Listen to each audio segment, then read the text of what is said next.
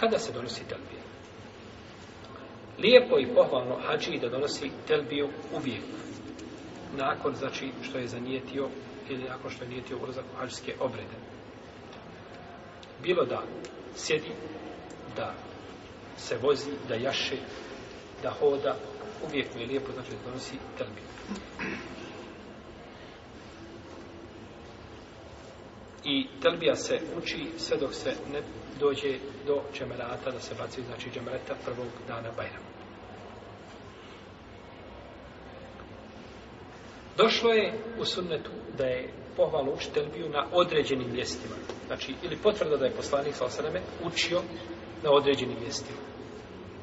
Što ne znači da je na drugim mjestima šta nije sunnet. Ali su ova mjesta posebno spomenuta. Kao što je ovaj penjanje na uzvis, uzvišice i spuštanje znači niz strmine došlo u hadisu Ibn Abbasa da je poslanik sa osreme rekao u hadisu Deđala kaže kaže kao da vidi Musa ali i salam kada se spušta iz dolinu i donosi telbiju i donosi telbiju kaže Ibn Hajar u ovome rivajetu je potvrda da je, spuš, e, da je donošenje telbije prilikom silaska iz termine bila praksa poslanika, da je to sunen il murselin, da je to od sunneta ili prakse poslanika, kaže, a isti propis je i kada se čovjek penje znači na uzišicu.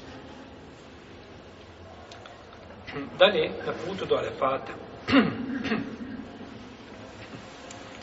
Od danas Ibn Malika se prenosi da je pitan kada je krenuo sa Mine prema Arefatu, hotel bi, kako ste vi to činili u vrijeme poslanika sallallahu alaihi wa sallam? Pa je rekao, donosio je poslanik sa osrme Telbiju ili bilo je među nama onih koji su donosili Telbije pa ih niko nije osuđivao a bilo je onih koji su donosili Tekbire pa ih niko nije osuđivao dalje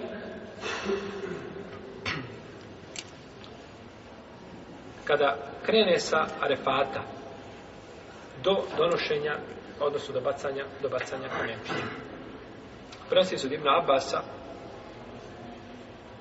da je Usame Ibn Zaid sjedio iza poslanika sa osvrame na devu, na jahalicu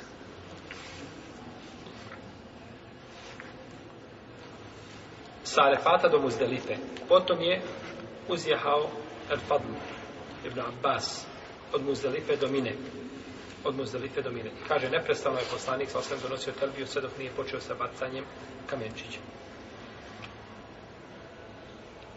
I ovo je mesel imama Šafije, Sufjane Seure, Ebu Hanife, Ebu Seura i Rumura islamskih učenjaka od Osihaba i generacija nakon njih koji kažu da se telbija uči sve do početka ili bacanja kamenčića. Dokaže imam Ishaq ima Mahmed po jednoj verziji da baca dok ne završi sa, sa odnosno da donosi telbi dok ne završi sa bacanjem kamenčića. Iako hadis, hadis spominje znači da je to činio do bacanja kamenčića. Iskazali smo tada ima drugi zikr, a to je donošenje tekbira prilikom bacanja svakog kamenčića.